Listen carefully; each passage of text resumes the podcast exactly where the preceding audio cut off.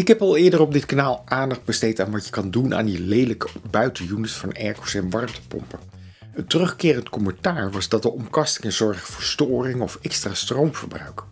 Maar dat hoeft dus helemaal niet, want dat was nou precies waarom ik mijn ogen laat vallen op een bepaald type omkasting die hier een oplossing voor heb bedacht. Ik zal even aangeven waar je op moet letten bij de aanschaf van een goede omkasting. Zelf vind ik een mooie omkasting van een buitenunit heel belangrijk. Heb je een mooi huis waar je trots op bent en er hangt daar zo'n lelijke buitenunit aan de muur, of staat zo'n buitenunit in je tuin. Daar kan je dus prima wat aan doen. Maar veel mensen zijn bang dat een mooie omkasting problemen geeft bij de werking van de warmtepomp. En dat hoeft dus helemaal niet. Zeker wanneer je op een aantal dingen let. Bij de omkasting van een buitenunit is het heel belangrijk dat je de luchtstroom die door de buitenunit gaat zo min mogelijk verstoort. Dit geldt zowel voor het aanzuigen van de lucht als het afvoeren van de lucht. Bij veel omkastingen is de achterkant van de omkasting gewoon open.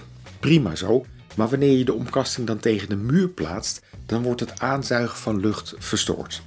Een goede omkasting heeft zodoende ook de ruimte uitgespaard aan de zijkanten en aan de bovenkant, zodat de lucht ongestoord kan worden aangezogen. Let daar dus op. Een andere uitdaging is wanneer de lucht de buitenunit verlaat.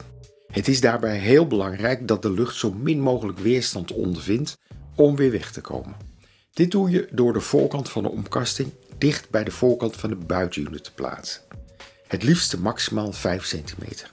Hiermee voorkom je dat er wervelingen van lucht ontstaan tussen de voorkant van de buitenunit en de binnenkant van de omkasting, waardoor de luchtafvoer wordt verstoord. Wanneer je met deze twee zaken goed rekening houdt, dan zal je geen last hebben van storingen. Bij mij en mijn collega hebben de airco's met omkastingen deze winter zonder problemen gedraaid. En wij hebben dan ook geen verschil gemerkt in het verbruik. Dan iets over de kleur. Wanneer je kiest voor een donkere omkasting, dan kan deze warm worden in de zomer. Hierdoor wordt de lucht rondom de omkasting ook verwarmd. In de zomer zal de airco dan meer moeite moeten doen om je ruimte te koelen. Vandaar dat mijn keuze is gevallen op een witte omkasting. Zeker omdat deze in de middag volop in de zon staat.